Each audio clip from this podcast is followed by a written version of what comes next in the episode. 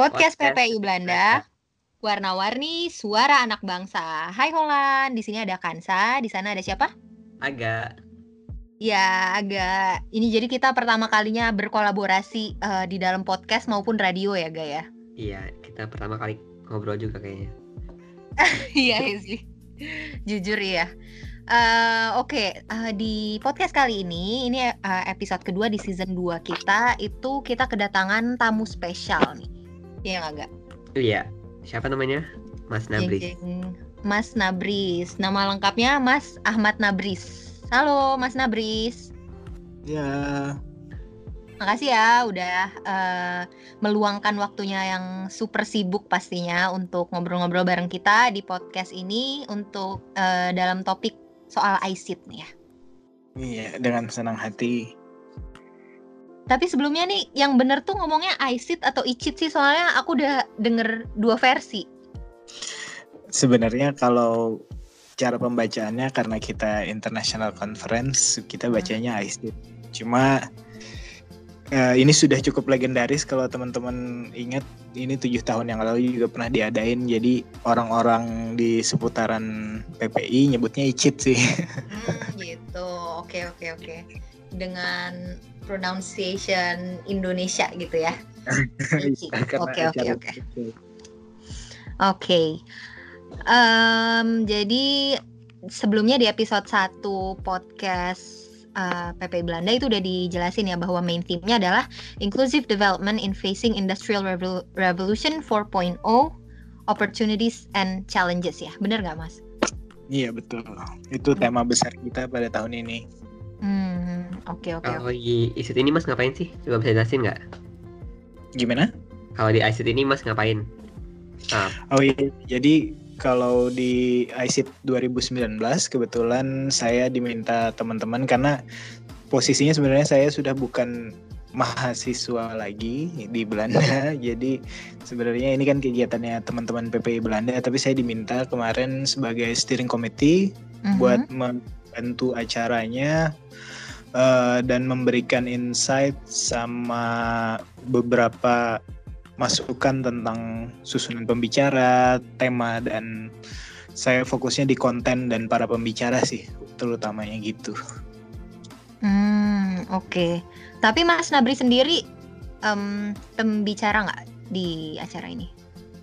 Uh, mungkin kapasitasnya belum sampai pembicara, cuma rencananya nanti di kita ada punya tiga plenary. Uh-huh. Uh, uh, saya bakal jadi moderator di salah satu plenary yang uh-huh. membahas tentang Indonesian traditional knowledge, uh, natural resources, dan innovation di Industrial Revolution 4.0. Kira-kira kayak gitu uh, plenary yang bakal saya bawa.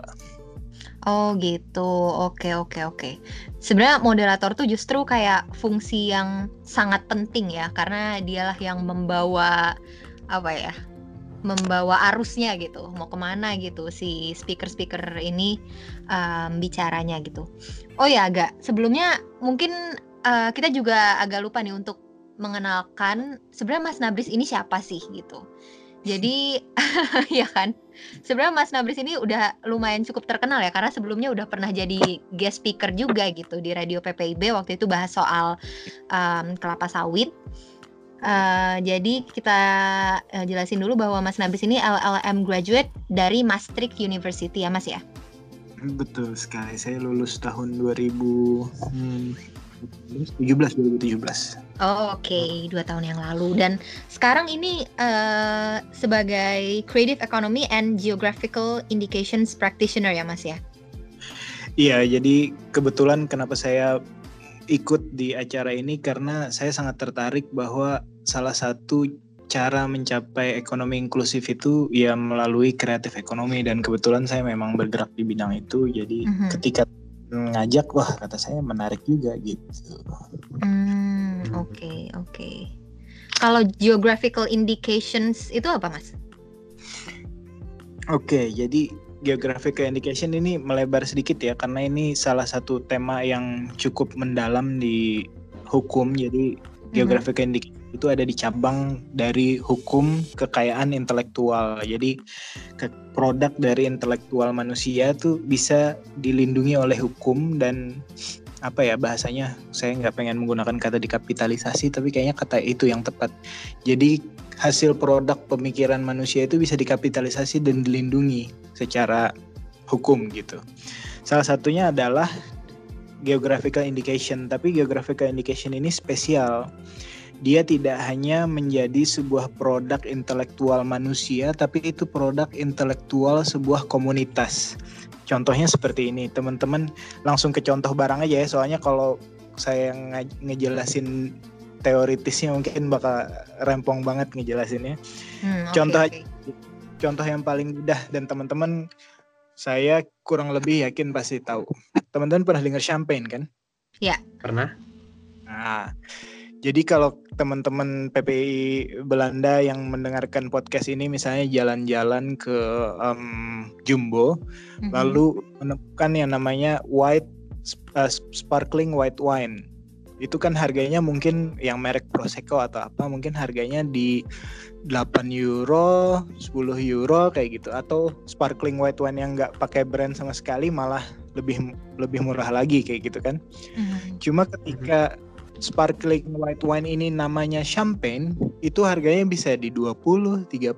Champagne itu ada yang sampai 1000, 2000 tergantung kualitas dan tahunnya kayak gitu. Hmm. Kenapa itu menjadi mahal? Kira-kira pertanyaan kayak gitu kan? Padahal yeah. kalau kalau kita pikir-pikir nih uh, Kansa dan uh, Aga kira-kira apa sih bedanya sebenarnya kalau kita tuangin di gelas? Tanpa tanpa merek nih ya nggak di, nggak dituangin langsung di gelas kayak gitu. Kira-kira kalau kita bukan expert banget kita hampir nggak bisa bedain kan kayak gitu. Mm-hmm. jadi sebenarnya white sparkling wine aja. Nah itu menjadi mahal karena konsep indikasi geografis tadi. Di dalamnya itu terdapat pengetahuan tradisional masyarakat Champagne. By the way Champagne itu adalah nama wilayah di Prancis jadi mereka bilang seperti ini kalian siapa pun di dunia ini bikin white uh, sparkling white wine di luar wilayah Champagne tidak boleh menggunakan kata champagne. Kenapa? Karena traditional knowledge-nya itu sudah turun temurun dipegang oleh kami. Kira-kira semacam kayak gitulah kisahnya. Hmm, jadi semacam copyright gitu tapi yang dipegang oleh suatu komunitas di wilayah itu gitu ya. Ya, jadi semacam kayak kalau di dalam cabang intellectual property itu semacam seperti merek. Tapi hmm. kalau merek itu dipegang oleh korporasi dan tidak ada traditional knowledge-nya whatsoever. Kalau indikasi geografis ini jauh lebih kaya dari merek. Dia merepresentasikan produk juga melalui sebuah nama. Dia juga merepresentasikan kualitas barang tertentu. Jadi kalau teman-teman misalnya, wah sabun saya pakainya sampo saya pakainya apa kayak gitu. Itu karena mungkin attachment teman-teman terhadap kualitas yang direpresent oleh sebuah brand kayak gitu kan. Hmm. ini sama jadi kalau misalnya kita beli ah saya saya kalau balapan MotoGP saya nggak mau pakai white sparkling wine yang murah merek Jumbo atau apa. Saya kocok terus saya buka pup, terlalu biasa. Saya mau champagne ribut yeah. for whatever reason gitu kan iya yeah, iya yeah, iya yeah. Kalau di Indonesia mas ini ya kayak pempek Palembang. Oh, ah, Palembangnya kayaknya lebih enak gitu. Nah, jadi kalau di Indonesia itu tadi kan kita kembali ke tema uh, Icit ini bahwa uh, kreatif ekonomi dan kreatif ekonomi itu kan bergeliat dari uh, bawah ya teman-teman dari apa ya istilahnya dari ekonomi kecil kayak gitu karena jarang industri besar lalu bergerak di kreatif ekonomi ya why bother gitu mereka punya R&D mereka punya segala macam they don't have they don't have to be very creative in making business karena mereka sudah scalable dan besar gitu kan. Hmm. Nah, tapi kalau yang kita bicarakan di ICIT ini adalah tentang inklusif ekonomi di mana geliatnya itu tumbuh dari bawah sehingga mereka harus lebih kreatif dalam memposisikan diri di dalam peta besar di mana peta besarnya itu isinya adalah giants giants gitu. Tapi itulah visi ICIT. Kita mau menciptakan uh, daya saing bersaing itu dan membuka market itu sehingga bisa diakses oleh semua. Itu maksudnya inklusif. Dia dapat diakses oleh semua kayak gitu. Melalui uh, konsep uh, indikasi geografis di Indonesia uh, yang tadi agak bilang tentang PMP di indikasi geografis itu pertama-tama harus didaftarkan dulu Nah, jadi so far di Indonesia tuh kalau nggak salah sudah ada 90-an produk yang didaftarkan baik itu dari produk agriculture, um, handicraft dan juga ya agriculture dan handicraft seingat saya yang yang sudah didaftarkan kayak gitu. Contoh produk yang teman-teman pasti kira-kira sering dengar adalah misalnya kopi gayo. Iya, sering. Nah, kopi gayo itu kata beberapa ahli yang ahli kopi ya. Jadi hmm. uh, efeknya cukup nendang dan di perut tidak terlalu asam. Ke keasamannya rendah tergantung jenis gayo yang mana ya karena ada gayonya ada beberapa macam juga. Cuma in general seperti itu sehingga rata-rata bule juga menyukai dan mereka tidak perlu harus lari ke decaf untuk minum kopi yang aman bagi lambung mereka kira-kira kayak gitu. Tapi dengan kualitas rasa tidak seperti kayak sabut kelapa yang dibakar terus diseduh kayak gitu kalau istilah saya. Jadi kalau saya sekarang minum kopi-kopi instan itu saya ngerasanya kayak kopi apa ya kayak sabut kelapa kayak gitulah. Nggak hmm. terlalu ini karena kopi Indonesia tuh rasanya luar biasa. Itu salah satu contoh kekayaan Indonesia dalam bentuk produk gitu ini baru produknya. Nah, nanti kreatif ekonomi ini muncul hadir menyerap produk itu membuat produk desain, melakukan promosi, lalu membawa dan mengenalkan itu nanti bersinergi dengan masyarakat yang memiliki uh, indikasi geografis tersebut kayak gitu. Jadi kita berusaha diicit walaupun tidak hanya ini yang kita akan bahas ya, tapi ini salah satu topik bahwa kekayaan traditional knowledge itu akan menjadi advantage bagi pergerakan inklusif ekonomi dari bawah ini untuk dapat bersaing kayak gitu. Kira-kira gitu sih. Mas, kan hmm, kalau iya. misalnya benerin ya kalau saya salah, kan kalau misalnya uh, champagne itu kan ada di undang-undang Prancis bahwa nggak boleh ada uh, minuman sparkling wine yang menggunakan kata-kata champagne kalau misalnya emang nggak diproduksi di champagne kan di, di wilayah itu. Nah Betul. kalau di Indonesia tuh ada nggak sih sebenarnya kayak gitu juga di mana cuman uh, kopi gayo itu cuma boleh diproduksi di daerah gayo itu. Nah jadi kalau di Indonesia sistem hukum Indonesia Undang-Undang Nomor 20 Tahun 2016 wah, keluar kelakuan anak hukum suka sedikit akil ya anakku. Jadi Undang-Undang Nomor 20 tahun 2016 itu tentang merek dan indikasi geografis nama undang-undangnya. Di situ mengatur agak tentang penggunaan nama. Bahkan di situ ada ketentuan pidana apabila penggunaan uh, peraturan penggunaan nama tersebut dilanggar. Jadi kayak gini. Pertama, untuk dilindungi tentunya harus didaftarkan ya. Jadi Kopi Gayo tadi by the way sudah terdaftar dia salah satu dari yang paling pertama yang didaftarkan oleh Kementerian Hukum dan HAM. Kebetulan saya juga bergerak di bidang itu sehingga hubungan perusahaan saya dengan Kementerian Hukum dan HAM terutama Deputi Indikasi Geografis itu cukup baik sehingga kita kita bersama-sama bekerja di bidang itu dan mencoba mendorong daya saing produk indikasi geografis kayak gitu. Jadi beliau itu tuh salah satu produk yang pertama didaftarkan. Kemudian kalau misalnya ada yang mengklaim bahwa itu produk kopi gayo dan sebenarnya itu ternyata ditanamnya misalnya di Banjarmasin dan dihasilkan oleh warga Banjarmasin misalnya itu ketentuan pidananya cukup cukup berat karena di Undang-Undang 20 tahun 2016 itu disebutkan kalau mencatut nama itu itu entitled ke hukuman kalau tidak salah lima tahun penjara denda 2 miliar kira-kira kayak gitu. Oh jadi hmm. sebenarnya indikasi geografis itu nggak cuma merek ya, nggak cuma branding doang, tapi juga di backing oleh hukum gitu ya. Betul. Jadi uh, karena ini adalah sebuah konstelasi konstelasi hukum internasional dan uh, konsep indikasi geografis ini digunakan secara internasional. Bahkan kalau teman-teman pernah dengar EU Indonesia Comprehensive Economic Partnership Agreement IEU CEPA itu yang terbaru baru kita conclude dengan Eropa dan terus didiskusikan dan ditambahkan klausula-klausulanya. Salah satunya di situ mencakup topik indikasi geografis. Kenapa kok indikasi geografis ini penting banget buat EU sampai dimasuk-masukin ke perjanjian internasional? Saya mau sharing sedikit angka karena kita kan biasanya memvaluasi penting tidak penting itu lalu kita lihat uh, kuantitatifnya kayak gimana sih kayak gitu. Nah, saya mau men-sharing kuantitatif tentang indikasi geografis. Tahun 2017 Eropa ini total GDP European Union ya, jadi campuran dari negara walaupun negaranya banyak gitu. Tapi total dari campuran European Union itu dia menghasilkan sekitar 54,3 billion uh, euro hanya untuk produk-produk yang dilindungi indikasi geografis bayangin. Hmm, oke okay, oke. Okay. Hanya untuk produk itu mereka belum menghitung tentang jasa, mereka belum menghitung tentang oil and energy, car manufacturing belum. Hanya untuk indikasi geografis itu menghasilkan 54,3 billion.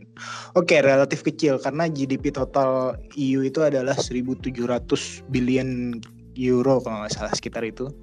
Cuma bayangin dari sektor yang mungkin masih dianggap remeh temeh ternyata menghasilkan angka cukup besar gitu. Nah, konsep ini salah satu yang EU gunakan untuk menghidupkan istilahnya masyarakat tradisional mereka sehingga bisa compete di uh, international market gitu. Coba lihat para penghasil champagne misalnya. Oh, itu orangnya udah pakai udah pakai jas, sudah mungkin naik BMW M6 kira-kira kayak gitu kan.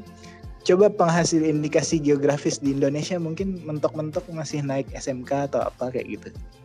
Hmm, iya iya iya. Menarik banget sih ini. Jujur aku juga uh, baru tahu soal geographical indications ini dan betapa pentingnya uh, hal tersebut untuk developmentnya uh, negara kita ya di Indonesia. Hmm, oke. Okay. Jadi, Mas, uh, bagaimana sih sebenarnya kan kalau di EU itu kan udah banyak banget ya udah sampai billion trillion uh, euro yep. penghasilannya. Uh, apa sih perannya nih geographical indication ini dan traditional knowledge uh, dalam developmentnya Indonesia, pembangunan Indonesia gitu? Apa nah. ini berperan sangat penting atau ini tuh baru-baru aja atau mungkin kurang diperhatikan oleh pemerintah? Gimana sih mas? Iya, jadi kalau di Indonesia sendiri konsep indikasi geografis ini start dari tahun 2007. Jadi kita mulai mengadopsi itu di dalam uh, uh, sistem hukum Indonesia itu dari 2007. Dari 2007 sampai sekarang kan sudah 12 tahun ya. Cuma memang uh, pertumbuhannya kalau kita boleh fair menilai Nah, walaupun saya juga mitra dengan Kementerian Hukum dan HAM ini relatif cukup lambat karena memang satu teman-teman coba deh kita list out di Indonesia yang specifically sekolah dan memfokuskan diri dan bahkan mungkin mau menjadi aktivis di bidang indikasi geografis seperti saya tuh sementara masih sedikit. Profesornya aja mungkin cuma ada beberapa. Salah satunya tuh profesor saya di uh, Fakultas Hukum UGM. Ada satu yang memang benar-benar dari awal beliau menulis dan saya ngikutin tulisan beliau tentang indikasi geografis. So satu permasalahannya Mas Aga dan Mbak Kanza itu adalah uh, manusia apa ya expertnya masih belum terlalu tumbuh di Indonesia. Sedangkan di Eropa karena konsep indikasi geografis ini sudah mereka lakukan mungkin dari tahun mungkin dari zaman Renaissance kayak contohnya Champagne itu sehingga mereka expert dan mereka sudah berpikir tentang bagaimana cara saya melindungi champagne ini bla bla bla sudah dari dulu sehingga expertnya pun ditelurkan sudah cukup banyak gitu itu pun kalau teman-teman misalnya nyari PhD specifically bicara tentang geographical indication so far saya kebetulan juga sambil iseng-iseng nyari karena ngisi kegiatan itu susah banget by the way. Di Eropa loh. Jadi memang kita kita harus akui bahwa ini adalah istilahnya kayak um, elite club of intellectual property. Klubnya masih sangat kecil sekali diisi oleh orang-orang ini. Namun kalau pertanyaannya Mas Aga tadi apa sih kaitan uh, apa sih dampaknya terhadap Indonesia? Nah, di ICIT ini teman-teman kita membahas tentang industri Industrial Revolution 4.0 di mana semuanya tuh akan terdigitalisasi, terotomatisasi dan link dengan web. big data dan segala macam. Uh, teman-teman by the way tahu perbedaan Industrial Revolution 1, 2, 3 dan 4 kan? Jadi di Halo? Halo ya. Uh, jadi yang aku tahu sih yang fourth fourth-nya aja sih yang 4.0 itu lebih ke kayak smart manufacturing, um, smart city gitu, Internet of Things. Tapi kalau yang 321-nya uh, belum tahu gimana tuh, Mas?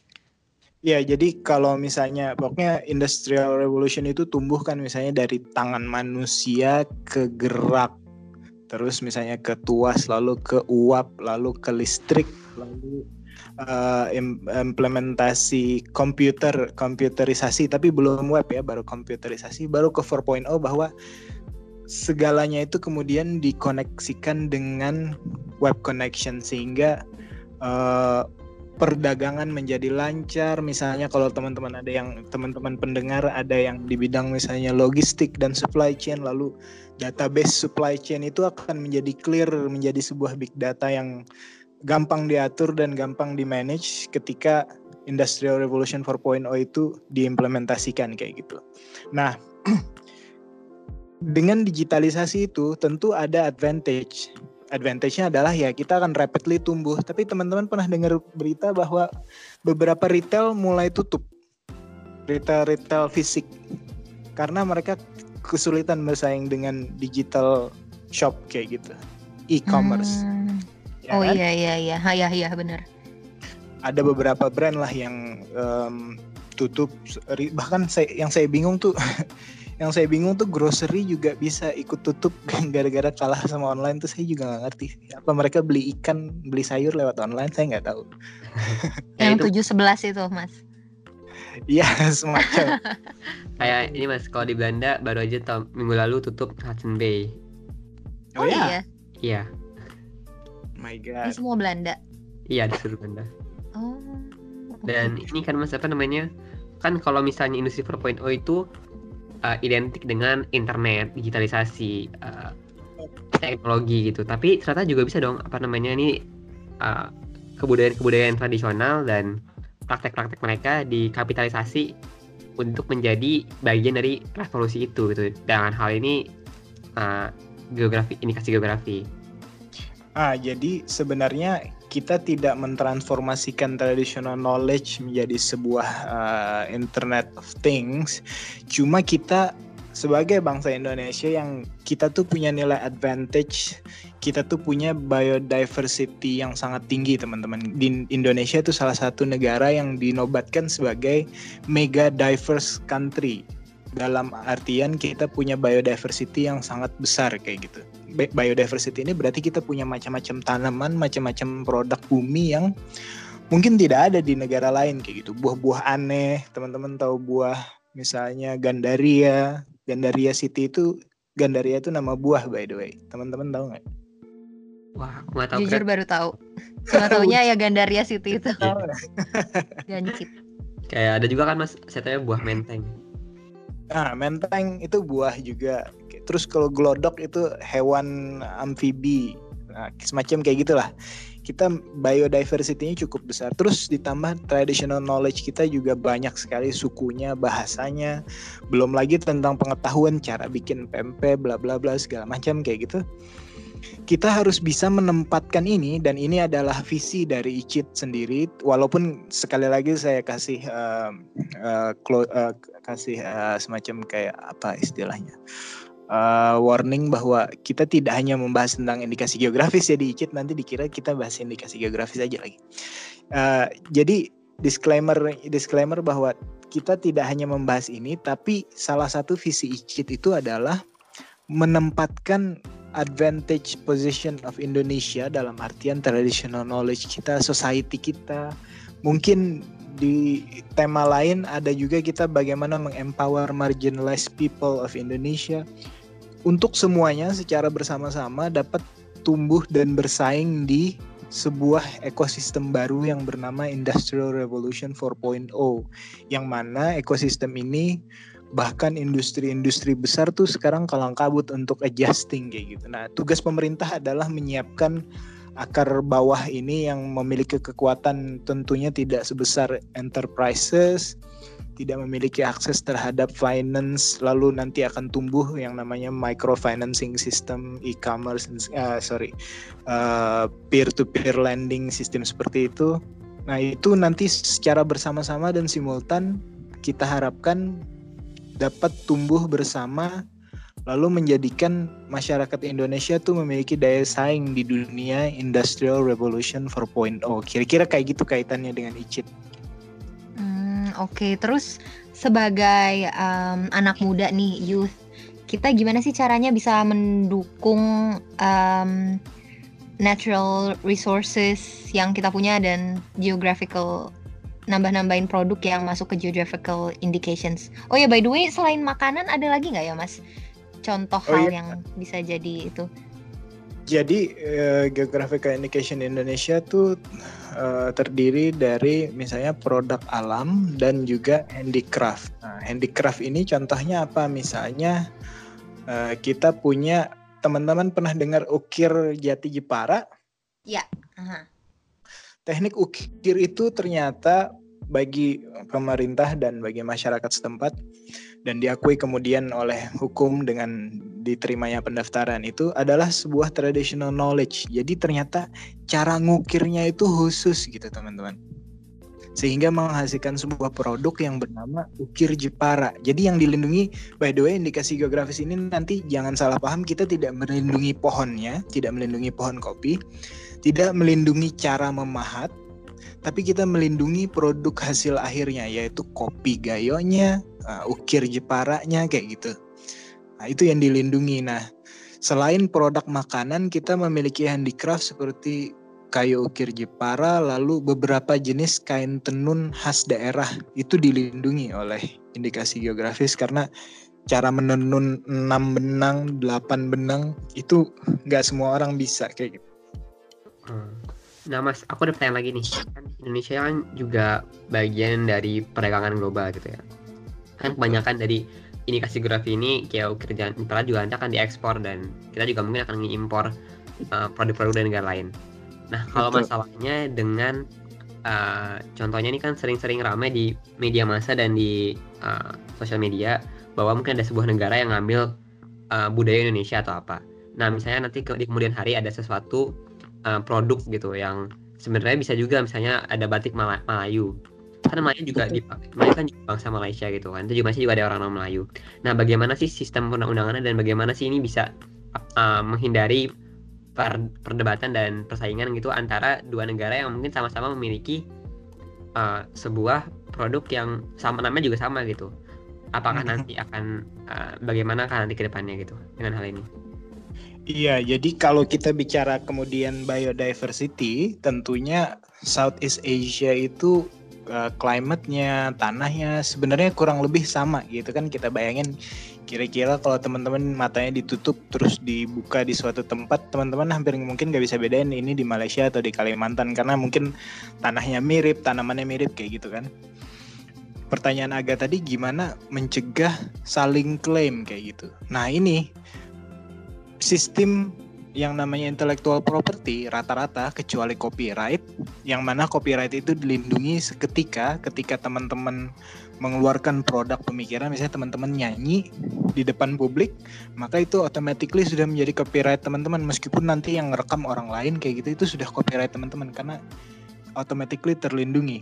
Nah cuma ketika kita bicara tentang indikasi geografis merek paten itu semua harus sistem pendaftaran. Nah, pendaftaran dan kemudian tentunya digunakan. Bahayanya adalah dan juga tentunya tantangan bagi Indonesia indikasi kekayaan indikasi geografis Indonesia ini harus secepatnya secepat-cepatnya di data dan ini juga dilakukan oleh eh, teman-teman uh, di Kementerian Hukum dan HAM divisi indikasi geografis itu udah jungkir balik satu satu divisi itu kalau nggak salah isinya 14 orangan kayak gitu. Dia ngehandle seluruh kekayaan Indonesia, indikasi geografis satu Nusantara. Bayangin kayak gimana kira-kira kerjaan mereka kayak gitu. Hmm, Walaupun nanti tiba saya juga salut sama teman-teman di divisi indikasi geografis dan walaupun nanti dibantu ya oleh teman-teman di kantor wilayah kantor wilayah Kementerian Hukum dan HAM tapi tetap mereka tetap harus visit dan memeriksa dan segala macam. Pertama dilindungi agak caranya adalah Indonesia harus segeranya melindungi dan mendata itu semua kekayaan. Kedua yang paling penting adalah kita harus mengenalkan gitu bahwa produk ini adalah produk kita contohnya kayak gini. Aga misalnya punya pensil milik Aga gitu. Cuma pensilnya ini cuma hanya dipakai di rumah. Di kampus ketika tiba-tiba ketinggalan orang nggak akan tahu ini pensil punya siapa kayak gitu kan. Karena agak tidak pernah menggunakannya tidak pernah show up tidak pernah memamerkan itu tidak pernah menunjukkan itu bahwa itu adalah pensil anda. Kira-kira kayak gitu contohnya. Produk Indonesia indikasi geografis itu harus kita actively traded in the international market in the sense that kita harus ekspor itu kayak gitu. Produk-produk kita tuh harus kita bawa ke mana-mana kita suarain hey ini produk ini adalah punya Indonesia kopi gayo adalah punya Indonesia. By the way teman-teman saya pengen cerita kopi gayo itu pernah mau dicuri oleh sama siapa tuh? Tetangga gitu ya teman-teman pasti mengira yang mau mencuri adalah tetangga. Cuma surprisingly yang mencuri ini adalah tempat di mana kita sedang berada gitu. Oh gitu. Udah suzon ya. suzon nama tetangga. Jadi ceritanya saya lupa tahun kalau nggak salah tahun 2008 apa 2007 kayak gitu. Uh, pemerintah pemerintah negara bukan pemerintah sih sebenarnya itu enterprise sebuah perusahaan di negeri sini mereka berusaha mendaftarkan Gayo sebagai merek. Jadi mereka bilang itu adalah Gayo Highland Highland Mountain Coffee. Jadi Gayo Highland Mountain Coffee of bla bla bla company-nya kayak gitu tentunya kalau sudah didaftarkan seperti itu kan menjadi menjadi apa ya menjadi eh, agak sumbang gitu. Apakah ini kemudian menjadi sebuah merek yang apakah kata-kata gayo ini menjadi generik menjadi kata-kata yang umum ataukah gayo ini adalah sebuah penanda asal gitu penanda asal suatu barang? Kan jadi kayak gitu kan temanya. Untungnya pada tahun itu eh, KBRI kita bergerak cepat, Kementerian Hukum dan HAM juga bergerak cepat. Kita coba cegah pendaftaran merek itu di Court of EU by the way itu keren sekali dan akhirnya kita menang dan sebagai informasi bagi teman-teman dan para pendengar supaya kita merasa sedikit bangga Kopi Geo sudah terdaftar di Eropa di dalam sebuah sistem registry indikasi geografis Eropa yang bernama DOR. DOR itu adalah sistem online uh, registry of uh, destination of origin kayak gitu. Jadi database di dalam database itu dari sekian sekian banyak produk yang dikasih geografis Eropa, di situ nyempil satu produk yang bernama Kopi Gayo of Indonesia. Bangga nggak kira-kira? Hmm, iya iya iya. Tapi berarti Mas, apakah penting untuk mendaftarkan um, indikasi geografis ini di um, ya dokumen-dokumen internasional luar negeri gitu? Karena kalau kita uh, mendaftarkan ini kan biasanya di untuk Indonesia gitu. Berarti nggak kalah penting dong ya mendaftarkan dia di suatu dokumen internasional. Tentunya by law sangat penting untuk mendaftarkan itu karena saya kasih contoh misalnya uh, pemerintah Italia misalnya ke Indonesia mereka mendaftarkan tuh yang namanya Parmigiano Reggiano. Pernah dengar oh, itu? Oh iya, keju. Nah, mereka bilang ini Parmigiano Reggiano cuma boleh dibikin di daerah yang bernama Parma. Dan itu pun di Parmanya Parmanya terbatas. Cuma di daerah dekat sungai apa dekat sungai apa saya pernah baca itu. Ada empat ada empat penanda batas wilayah. By the way indikasi geografis di Indonesia juga seperti itu dipetakan. Hmm. peta yang yang namanya penghasil produk kopi gayo itu petanya sudah ada. Dan included di dalam sebuah dokumen resmi pemerintah dan itu lembaran negara by the way yang bernama buku indikasi geografis. Nah, di setiap produk itu ada buku indikasi geografisnya sendiri dengan spesifikasi, dengan wilayah, dengan traditional knowledge-nya kayak gitu. Nah, itu Eropa aktif loh mendaftarkan itu. Jadi ada keju Parmigiano Reggiano. Terus um, kalian pernah dengar alkohol dari Peru namanya Pisco nggak? Hmm, enggak sih aku belum pernah dengar. Itu semacam kayak aqua vida, kayak uh, semacam kayak uh, apa ya liker gitu, mm. uh, warnanya putih kayak vodka juga itu juga didaftarkan oleh mereka. Terus of course of course amongst all champagne dong ada di Indonesia juga didaftarkan. Jadi pendaftaran itu sangat penting cuma at the very least yang paling minimal kita lakukan saat ini adalah kalau mendaftarkan tentu lama dan mahal ya. Yang paling penting kita lakukan sekarang adalah kita aktif dulu trading di internasional. Jadi orang-orang tuh tahu, oh ini bagus nih produknya.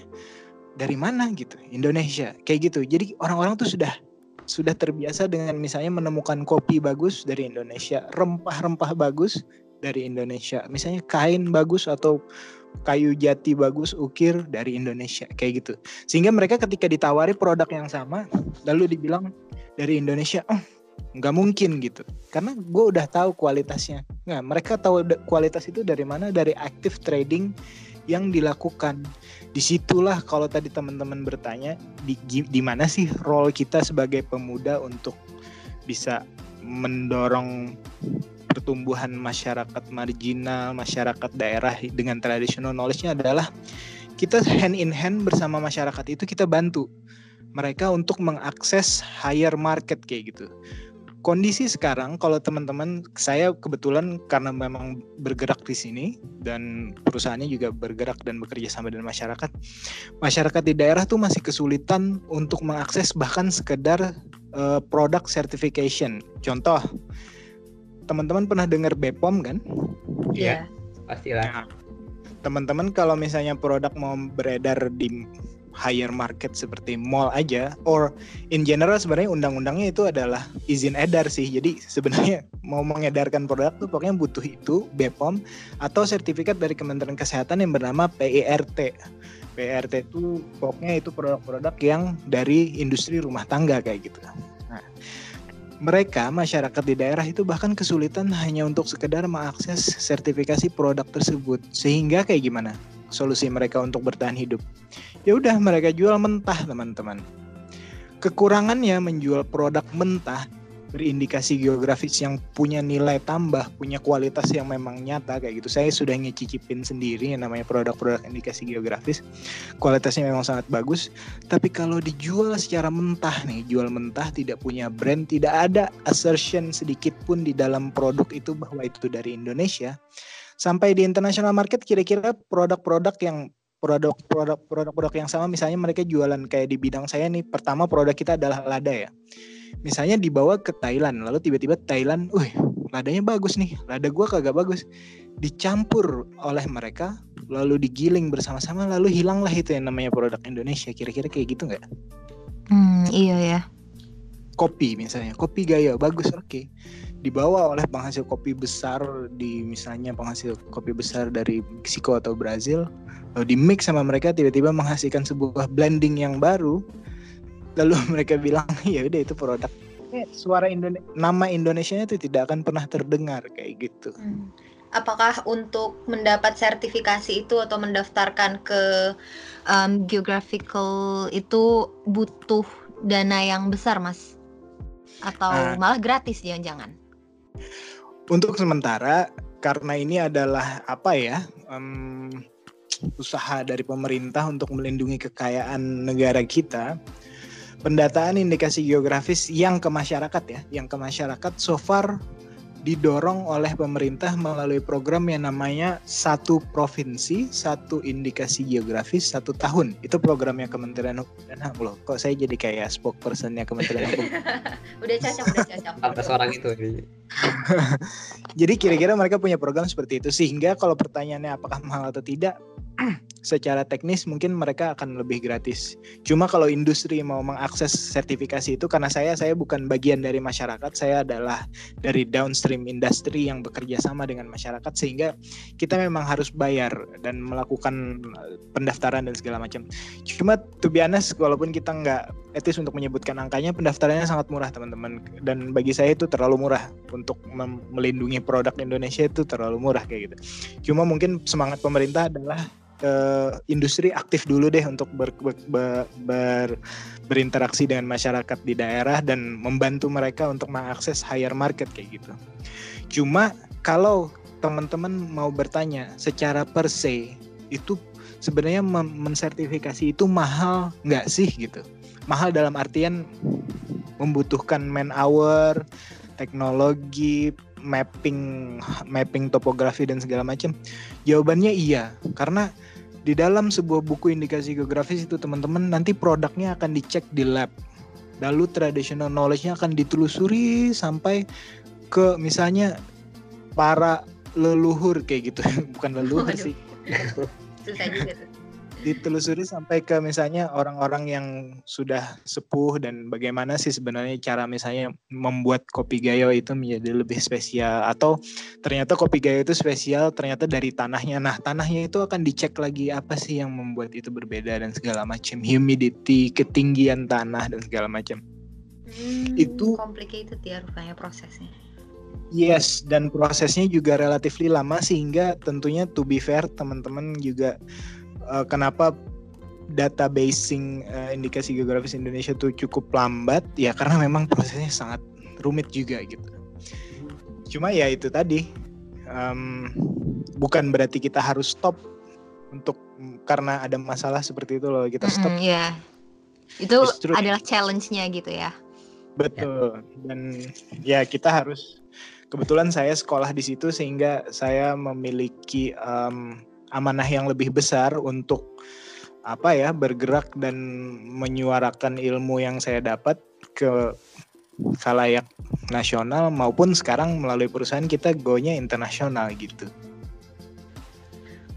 Wow, jadi uh, ini emang penting ya buat dari pemerintah dan dari masyarakat juga untuk ikut partisipasi. Dan ini impact-nya nggak cuma ke masyarakat Indonesia doang, tapi juga ke perdagangan internasional. Betul.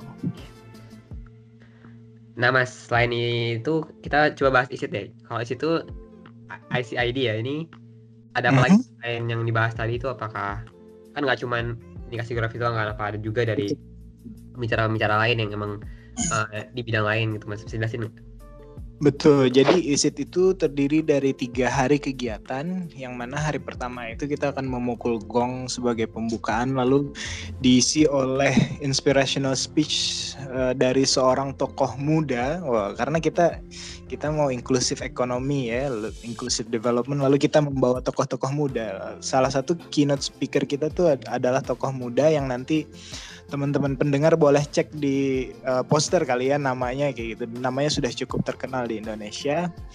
Boleh disebutin gak sih? Ya seramas lah. Kira-kira boleh? Ya, Kalau udah pasti boleh dong mas.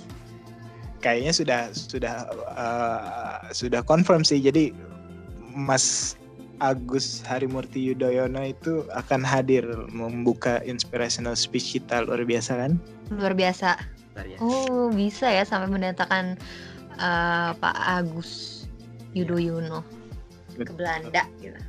Jadi mereka uh, jadi beliau berbicara kayak gitu uh, sebagai tokoh muda lalu ada juga perwakilan dari pemerintah dan hari kedua itu adalah inti dari kegiatan ICIT di mana ada tiga plenary utama yang akan membahas tiga topik yang sangat fundamental terhadap inklusif ekonomi. Plenary pertama itu kita akan membahas tentang uh, top down approach. Jadi dari pemerintah kebijakan-kebijakan apa, terutama kebijakan desentralisasi karena kita berbicara tentang local local people ya, tentang masyarakat masyarakat uh, tradisional.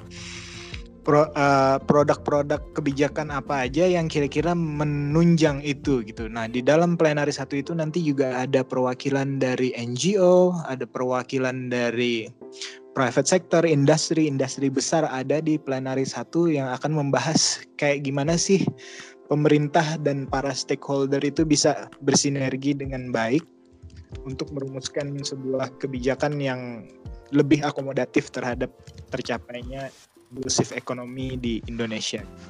Itu plenary satu. Di plenary dua yang saya bawakan nanti itu ada uh, atasan saya dulu di uh, parlemen ketua komisi 10 DPR RI.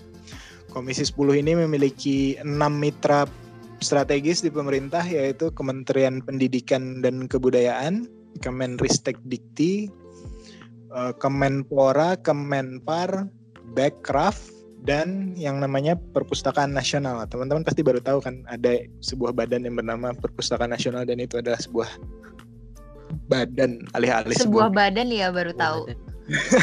Dikiranya Tapi at least udah pernah datang lah udah ke perpustakaannya. Sudah pernah ya. ya. Lumayan gede gitu ya. Jadi hmm, bagus. Jadi itu Komisi 10 nah, lalu tentunya hadir juga MIT mitra dari Komisi 10 yang namanya Backcraft, Badan Ekonomi Kreatif itu bagi saya sebuah badan yang di Indonesia bagi saya itu adalah badan yang paling keren di Indonesia karena apa ya? inklusif ekonomi dan industrial 4.0 dan semangat anak muda itu revolves around backcraft kayak gitu. Jadi ekonomi kreatif, penciptaan produk, kalian bikin nyanyi, ada Rich Ciga di situ terserahlah kira-kira pokoknya di situ kumpul semua gitu hal-hal yang lumayan menarik bagi anak-anak muda. Backcraft juga akan berbicara di situ kayak gimana sih sebenarnya kayak gitu. Kita menciptakan ekosistem apa yang sudah mereka lakukan selama ini melalui kebijakan-kebijakan dan program. Lalu nanti dari DPR-nya akan men menimpali bahwa mereka kan yang memegang budgeting dan supervisi ya. Nah, nanti dari DPR juga akan bicara, oh, kayak gimana DPR fungsi legislatif tuh vital nggak sih terhadap kerjanya sebuah lembaga eksekutif kayak gitu.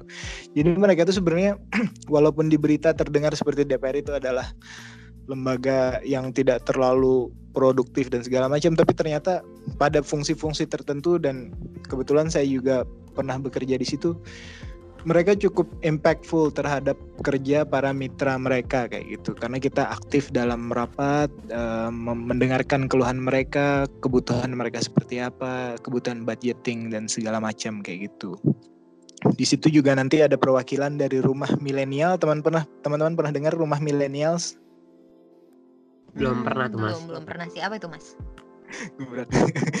Itu sebuah uh, kayak program inisiatif yang diinisiasi oleh anak-anak muda kayak gitu. Uh, ada juga beberapa dari uh, Mata Garuda dan segala macam. Uh, salah satu perwakilan dari rumah milenial itu Mas Satya Hangga Yuda akan mampir juga dan kita akan berbicara dan beliau akan lebih mengamplify inspirational speech-nya dari Mas Ahaye di dalam program di plenary 2 karena memang temanya adalah kreatif ekonomi ya, kreatif ekonomi dan innovation kayak gitu situ juga nanti ada perwakilan dari dunia akademik dan di setiap chamber rata-rata ada perwakilan dunia akademik. Itu plenary 2. Plenary 3 itu membahas tentang pentingnya marginalized people, uh, masyarakat-masyarakat yang tidak terlalu beruntung da dalam artian apakah mereka memiliki keterbatasan fisik atau mereka terbatas oleh karena suatu hal yang lain wanita misalnya atau karena society Nah, di situ kita akan bahas lebih lanjut tuh gimana uh, Industrial Revolution 4.0 ini juga kita ciptakan sistemnya uh, di mana sistem itu akan dapat juga mengakomodir teman-teman yang kurang beruntung. Contohnya misalnya teman-teman pernah salah satu ada pernah dengar pasti salah satu ada platform ojek online yang akhirnya mereka bekerja sama menciptakan sebuah sistem yang cukup baik. Lalu mereka mengabsorb teman-teman yang memiliki difabilitas menjadi misalnya tukang pijat, pembersih mobil tuh di Jakarta saya sering banget pakai jasa mereka kayak gitu dan itu sangat bagus. Jadi kita mengurangi barrier antara yang berkebutuhan fisik berbeda dan mereka yang dianggap normal kayak gitu. Sehingga saya interaksi dengan mereka ya biasa aja. Thanks to kreatif ekonomi tadi yang ada di plenary 2 nah di plenary 3 ini kita ngebahas orang-orangnya kayak gitu. Hmm, oke okay, oke. Okay. menarik banget ya. Semua plenary sessionnya itu um, semuanya menarik sih topiknya. Jadi kayak pengen datang ke semuanya jujur Gitu. Saya kalau jadi aktivis di tiga bidang itu saya juga akan bingung mau milih uh, plenary yang mana kayak gitu karena sama-sama pentingnya. Oke oke oke. Uh, oke jadi buat oh, para hol ya gimana? Saya tadi lupa nyebutin satu lagi di uh-huh. plenary satu itu juga akan insya Allah hadir yang namanya wakil ketua DPR RI bidang koordinasi Industri dan Pembangunan bidang Korinbang. Nama beliau adalah Pak Agus Hermanto. Pernah dengar nggak? Iya, pernah pernah. Nah, beliau itu nanti akan hadir juga karena kita berbicara tentang industri nih, Industrial Revolution 4.0, maka DPR dengan sangat bangga menghadirkan satu lagi uh, wakil DPR yang memang specifically bertugas untuk mengkoordinasi komisi-komisi yang bekerja sama di eksekutif yang terkait dengan industri dan pembangunan kayak gitu. Itu sih. Hmm, oke oke oke. Semua speakernya emang sangat inspiratif ya dan orang-orang yang um, ahli dan pen dan terkenal juga gitu di bidangnya masing-masing. Jadi emang acara ini tidak boleh dilewatkan, bener nggak gak? Bener banget. Teman-teman PPI Belanda karena kita adalah society akademik di Belanda, saya menyarankan untuk meramaikan acara ini karena sangat inspiratif. Isinya adalah orang-orang penting. Tentu kalian juga nanti bertemu dengan orang-orang tersebut, bertemu juga dengan para para ahli yang presenting their papers di paper presentation juga by the way ada paper presentation loh di ICIT gitu. Jadi para ahli yang tertarik dengan bidang inclusive development ini akan submit telah telah submit paper mereka dan nanti akan dipresentasikan. Nah, nanti itu bisa juga bertukar pikiran dengan para ahli kira-kira kayak gitu. Hmm, oke oke oke. Jadi pesannya adalah don't miss it guys. Um, Oke okay, oke. Okay. Jadi kita tadi um, udah dapat semua insights nih soal uh, plenary sessionnya di ICIT dengan semua guest speaker yang uh, sangat spektakuler gitu ya. Dan tadi kita juga udah ngobrol sama Mas Nabris soal hubungan antara um, indik geographical indications sama traditional knowledge dan um, sumber daya alam dan manusia dari negara kita dan gimana hubungannya sama kreatif ekonomi, sama in, industrial revolution 4.0 gitu ya, gimana pentingnya itu semua. Betul, betul. Jadi sebagai anak muda nih kita harus men tackle gitu ya challenge-nya. Tadi aku uh, ingat salah satu challenge-nya adalah human resource. Hmm. Ya. Dan betul betul. Iya. Oke. Okay.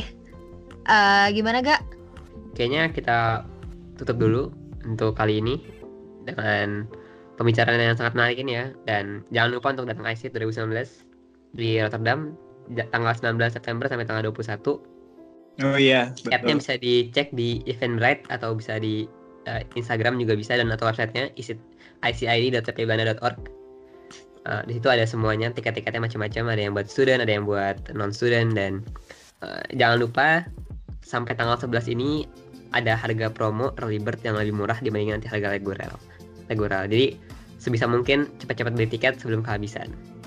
Oke, okay. Instagramnya itu di uh, Instagram PPI Belanda atau Instagram ICIT sendiri nih, Gak? Jadi uh, ada dua, ada Instagram PPI Belanda juga bisa dan Instagram ICIT juga bisa kalau nggak salah uh, username-nya ICID 2019 atau apa itu. Ah, bukan, bukan. Username-nya isip.ppi Belanda. Oh, isip Belanda, benar. Iya. isip PPI Belanda ya, nggak pakai underscore ya? Nggak pakai, dia tapi pakai dot. Pakai dot. Oh, isip.ppi Belanda. Iya. Yeah. Hmm, mantap.